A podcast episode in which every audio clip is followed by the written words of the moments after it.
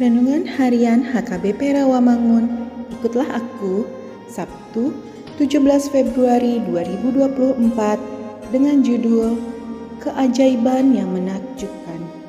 Bacaan kita pada pagi hari ini tertulis di dalam Injil Yohanes pasal 8 ayat 21 sampai 29. Dan bacaan kita pada malam hari nanti tertulis dalam Pengkhotbah pasal 3 ayat 1 sampai 8. Dan kebenaran firman Tuhan yang menjadi ayat renungan kita pada pagi hari ini terambil dari Yesaya pasal 29 ayat 14 yang berbunyi Maka sebab itu sesungguhnya aku akan melakukan pula hal-hal yang ajaib kepada bangsa ini keajaiban yang menakjubkan, hikmat orang-orangnya yang berhikmat akan hilang, dan kearifan orang-orangnya yang arif akan bersembunyi. Demikian firman Tuhan. Sahabat, ikutlah aku yang dikasihi Tuhan Yesus. Yehuda sedang terancam oleh negara Asyur, satu negara adikuasa secara politis kala itu.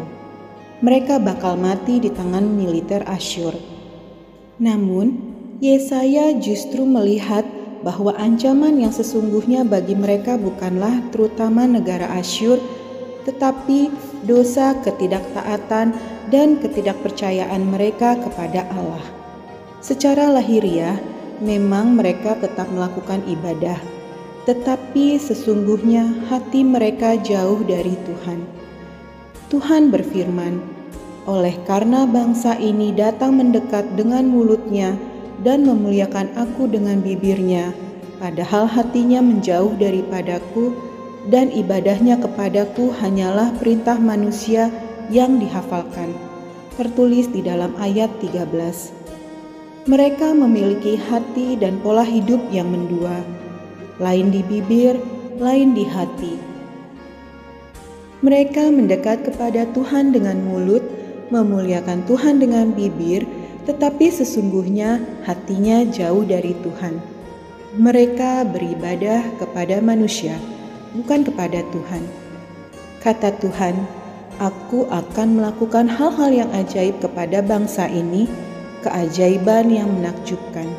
Hikmat orang-orangnya yang berhikmat akan hilang, dan kearifan orang-orangnya yang arif akan bersembunyi." Kehebatan manusia tak memiliki arti dibandingkan dengan keajaiban Tuhan. Hikmat manusia tak berarti dibandingkan dengan hikmat Tuhan. Biarlah hikmat Tuhan yang memimpin segenap hidup kita. Maka keajaiban demi keajaiban dari Tuhan akan senantiasa kita lihat dan alami. Amin. Mari kita berdoa. Ya Tuhan, keajaibanmu sungguh menakjubkan. Biarlah aku senantiasa rendah hati merasakan hikmatmu. Jauhkan dariku kesombongan, karena hikmatmu sungguh tak terukur, besarnya, tingginya, dan dalamnya. Amin.